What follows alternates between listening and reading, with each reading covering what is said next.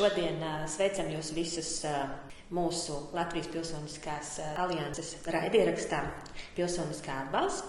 Un šodien mēs tiekamies ar partijas Nacionālā apvienība visu Latvijai, Tēvzemē un brīvībai LNK pārstāvi Ieva Siliņa. Sveika, Ieva! Labdien! Priekšēd būt! Priekšvēlēšanu ieskaņā mēs esam aicinājuši uz sarunu partijas, kuras šogad kandidē saimnes vēlēšanām lai uzzinātu, kāds ir partiju viedoklis par pilsoniskās sabiedrības attīstību un nākotni. Un sākumā tāpēc jau gribētu jautāt, Kuru sabiedrības grupu intereses jūsu partija galvenokārt pārstāv un kā jūsu partija izprot jēdzienu pilsoniskā sabiedrība? Mēs nelabprāt cilvēkus šķirojam grupās. Līdz ar to katrs, kam sirdī ir Latvija, ir mūsējais. Mēs esam vērtību centrēta partija un katrs, kam nozīmīgi Latvijas valsts un Latvijas valoda, Latvijas kultūra, neatkarīga, droša valsts un izcila izglītības zinātne ir mūsējais. Bet, protams, ir sabiedrības grupas, kuras ir īpaši jāaizstāv. Tie ir cilvēki, kam varbūt ir mazliet grūtāk šajā laikā, kas noteikti ir ģimenes ar bērniem, kas noteikti ir seniori, kas noteikti ir jaunieši. Runājot par um, pilsonisko sabiedrību, man šķiet, ka nav daudz kas, ko pārprast. Um, mēs uzskatām, to, ka tā būtu plaša nevalstiska organizācija iesaiste publiskajā dzīvē, aizstāvot dažādu sabiedrisko grupu intereses un vērtības. Ja, protams, ir paradoxāli pieņemt uh, politiskus lēmumus, kā, kas ietekmēs kādu grupu, nerunājot ar šo um, sabiedrisko grupu. Mm -hmm. Un, uh, mēs tiekamies priekšvēlēšanu laikā. Šobrīd ir uh, jūnija vidus, pirms Jāņa laiks, un pieņemu, ka arī jūsu partijas programma jau piedzīvo pēdējos tādus pieslīpēšanas darbus, un, un drīz jau pavisam laidīsiet arī, arī klajā. Un arī Latvijas Pilsoniskā alianse kopā ar virkni citām nevalstiskajām organizācijām bijām sagatavojuši priekšlikumus, ko partijām ņemt vērā, gatavojot partiju programmas kā arī nākotnes eh, darbības plānus. Tāpēc eh, vēlējos jautāt, kādus instrumentus pilsoniskās sabiedrības atbalstam Nacionāla apvienība ir paredzējusi savā programmā un ar ko nākamos četrus gadus mēs, pilsoniskais sektors, varam, varam rēķināties. Jāatzīst, ka mūsu programma vēl nav gatava, līdz ar to es nevaru citēt kādas skaistas pantas vai tekstus. Bet es domāju, ka darba rāda paši par sevi. Jo Nacionāla apvienība regulāri tiekas ar nevalstiskajām organizācijām, gan valdi, gan dažādas darba grupas, gan deputāti. Ministrijas aktīvi sadarbojas ar nevalstisko sektoru. Varbūt jūs atceraties šis neveiksmīgais piemērs ar Jānu Vitsenbergu kungu, kurš tika palūgts aiziet nesaprotamu iemeslu dēļ. Jūs redzējāt, cik liels bija nevalstiskā sektora atbalsts, vai ne? Un, ja redzot citas ministras, kur nevalstiskās organizācijas saka, ejiet prom un pieprasa demisiju, tad šeit lielākās darba devēja organizācijas lūdza ļaut ministram turpināt darbu. Un es domāju, tas parāda to, ka mums, mūsu kultūrā ir sadarboties ar nevalstiskajām organizācijām. Es atceros, es pat arī nesen biju sarunā 6 pret 6, kur 6 rektori debatē ar 6 partiju pārstāvjiem par augstākās izglītības zinātnes jautājumiem. Un vadītājs Artūrs Zepkungs uzdeva jautājumu, kas būtu jūsu pirmais darbs, ja nu pēkšņi jūs nokļūtu izglītības zinātnes ministra amatā.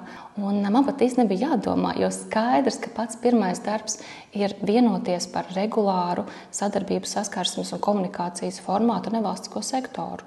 Tie ir tie cilvēki, kas var dot labākos padomus, atgriezenisko saiti un ļoti, ļoti palīdzēt politiskajā darbā. Tā kā viennozīmīgi šīs tradīcijas tiks turpinātas. Mm -hmm. Paldies! Sēma ir apstiprinājusi pilsoniskā dialoga nozīmīgumu un iekļāvusi to sēmas NAP pievienotiem paziņojumam. Paziņojot, ka dialogs ar pilsonisko sabiedrību visos lēmumu pieņemšanas posmos ir līdzvērtīgs kā sociālais dialogs. Taču, diemžēl, šī politiskā apņemšanās praksē nav ieviesta un praktiski tas nozīmē to, ka lēmumu pieņemšanas procesā, kur pie sarunu galda tiek aicināti aicināti sociālie partneri, LDDK, LBS, L, mm, pašvaldību savienība, pilsoniskajiem partneriem, nevalstiskajām organizācijām vietas kā līdzvērtīgiem partneriem, diemžēl, joprojām nav. Kāds ir jūsu partijas viedoklis šajā jautājumā? Vai uh, ir plānots Latvijā praksē ieviest un atzīt pilsonisko dialogu? Man ir ļoti nepatīkami redzēt, ka šī ir kārtējā lieta, kas ir nolemta, ka tiks darīta un kārtējo reizi nav izdarīta.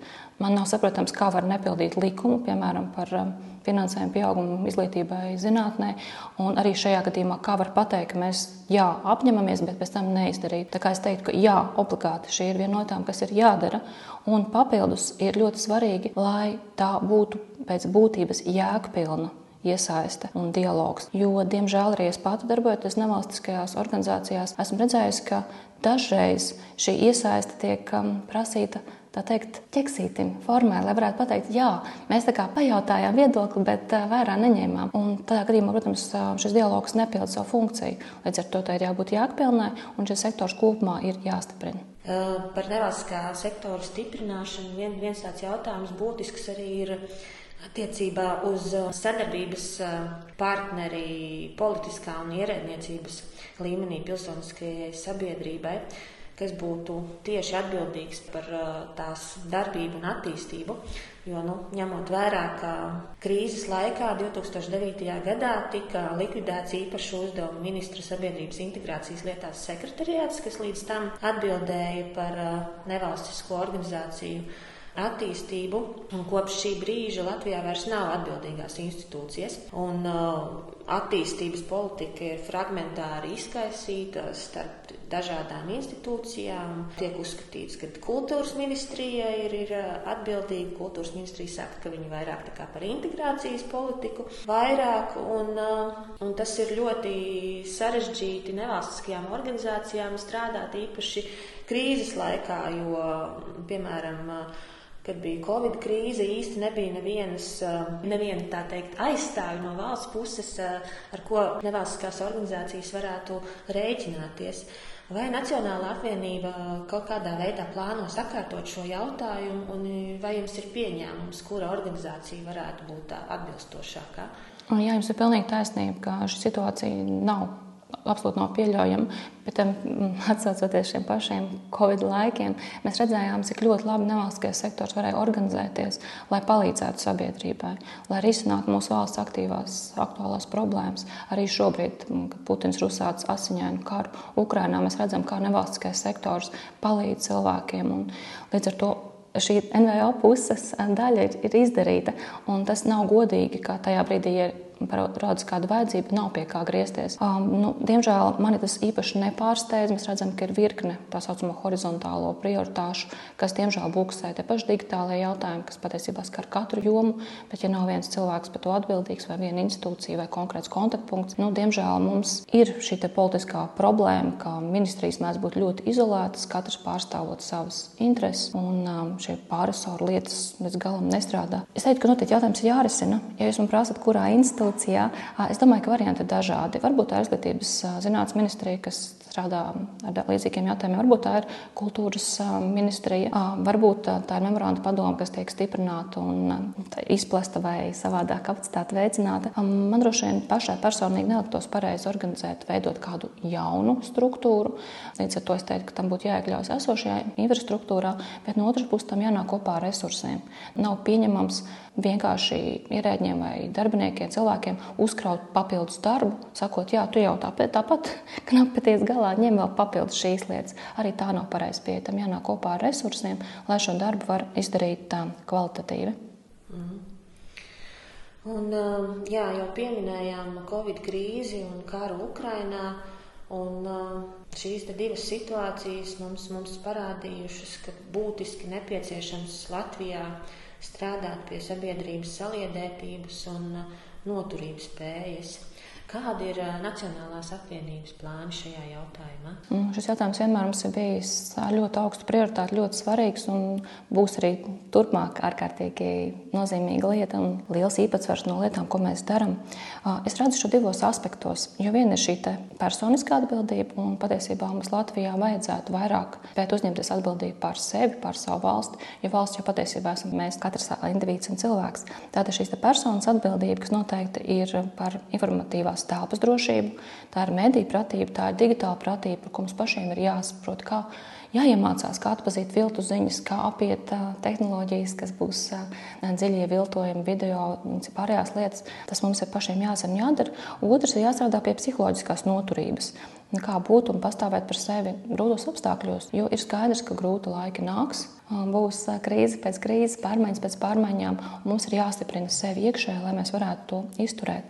Protams, no valsts puses ir lielās lietas, divas lielās lietas, kas ir ārējā drošība un kas ir iekšējā drošība. Protams, jūs nevarat noliekt, ka Nacionāla apvienība vienmēr ir ļoti, ļoti liela uzmanība pievērsusi šiem jautājumiem. Turpināsim to darīt. Es ceru, ka būs iespēja arī no pārējiem partneriem gūt pietiekamu atbalstu, lai mēs varētu iet maksimāli drošas valsts virzienā, kurā var dzīvot gudri, izglītot nāciju un būt pašapziņīga un tiešām būt skaisti.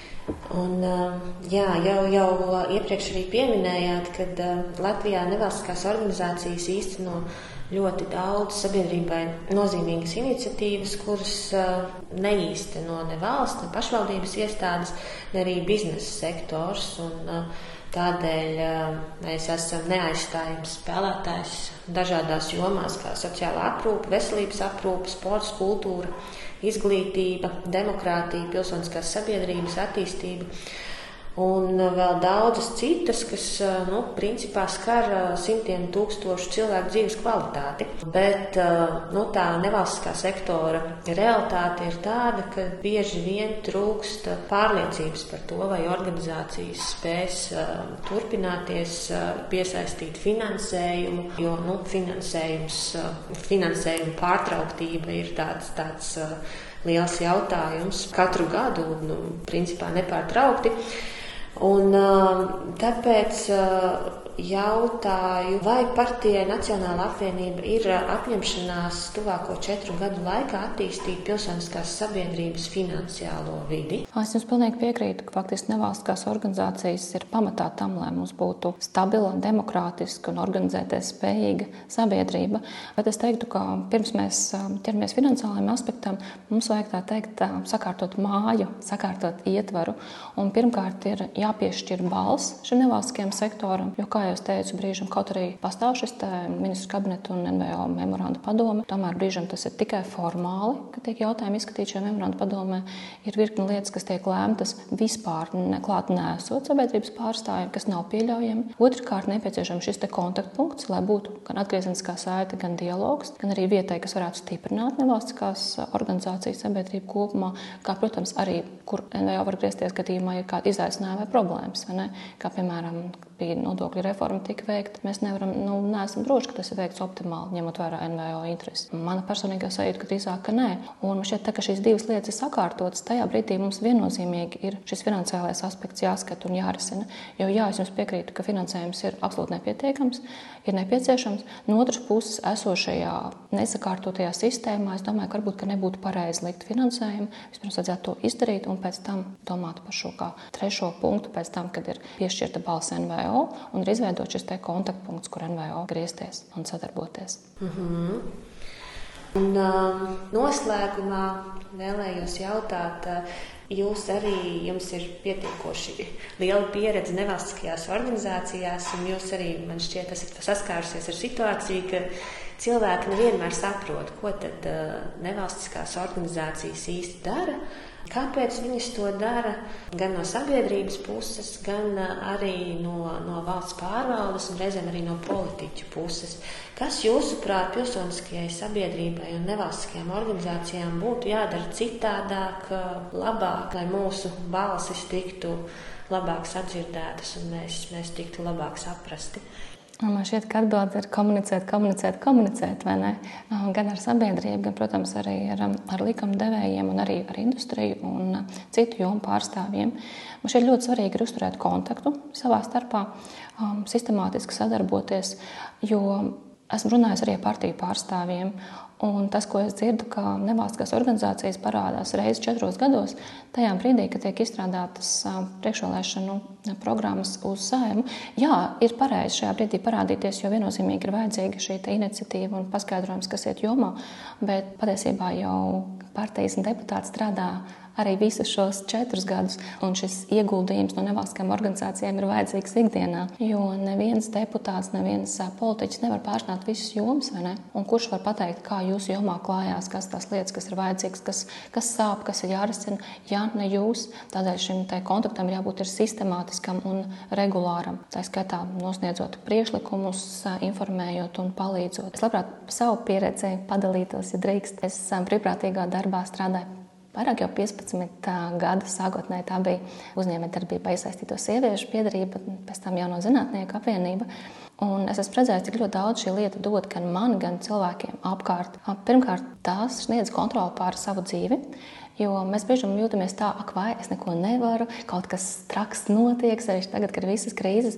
Bet darbs, brīvprātīgais darbs nevalstiskajā organizācijā patiesībā iedod šo kontrolas sajūtu. Hei, es varu mainīt valsti, es varu nākt ar vienu mazu ideju un kaut ko ļoti lielu izdarīt. Piemēram, brīnišķīga jaunā zinātniece, kas strādā digitālā humanitārajā jomā, Sanita Reinsona. Viņai radās ideja, viena maza ideja, kas šobrīd ir iniciatīva Science for Ukraine, kas darbojas visā pasaulē Itālijā, kur jau ir nedēļas laikā bija 30 cilvēku komanda, kas viņai jau palīdzēja. Šobrīd tā ir viena no lielākajām nu, tādām iniciatīvām, jo tā nav oficiāla organizācija, kur um, Ukrainā dzīvojošie vai nu, kara cietušie zinātnieki vai um, studenti var atrast vietu kaut kur citur, vai attālinātam darbam, vai kādā citā valstī strādāt.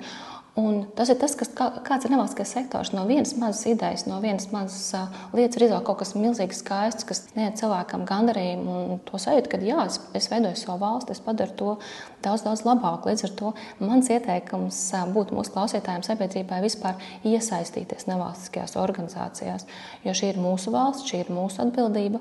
Līdz ar to mēs varam arī darīt. Un cik fantastiski, cik viegli šīs lietas patiesībā dažreiz var arī notikt. Dažreiz viegli, dažreiz grūti, bet kontrolēt kontrole ir mūsu rokās, un mēs varam to darīt. Un, tieši caur sabiedrības iesaisti mēs arī izveidosim šo te, gudro, izglītoto nāciju. Gūsim pašapziņu, ka mēs, jā, mēs paši varam iet un paši darīt. Pat tad, ja šķiet, es esmu vienkārši cilvēks, nē, mans, mans viedoklis ir svarīgs, es varu izdarīt un es varu mainīt Latviju un izveidot tādu, kā es to vēlos. Paldies, Ieva! Paldies par sarunu! Paldies!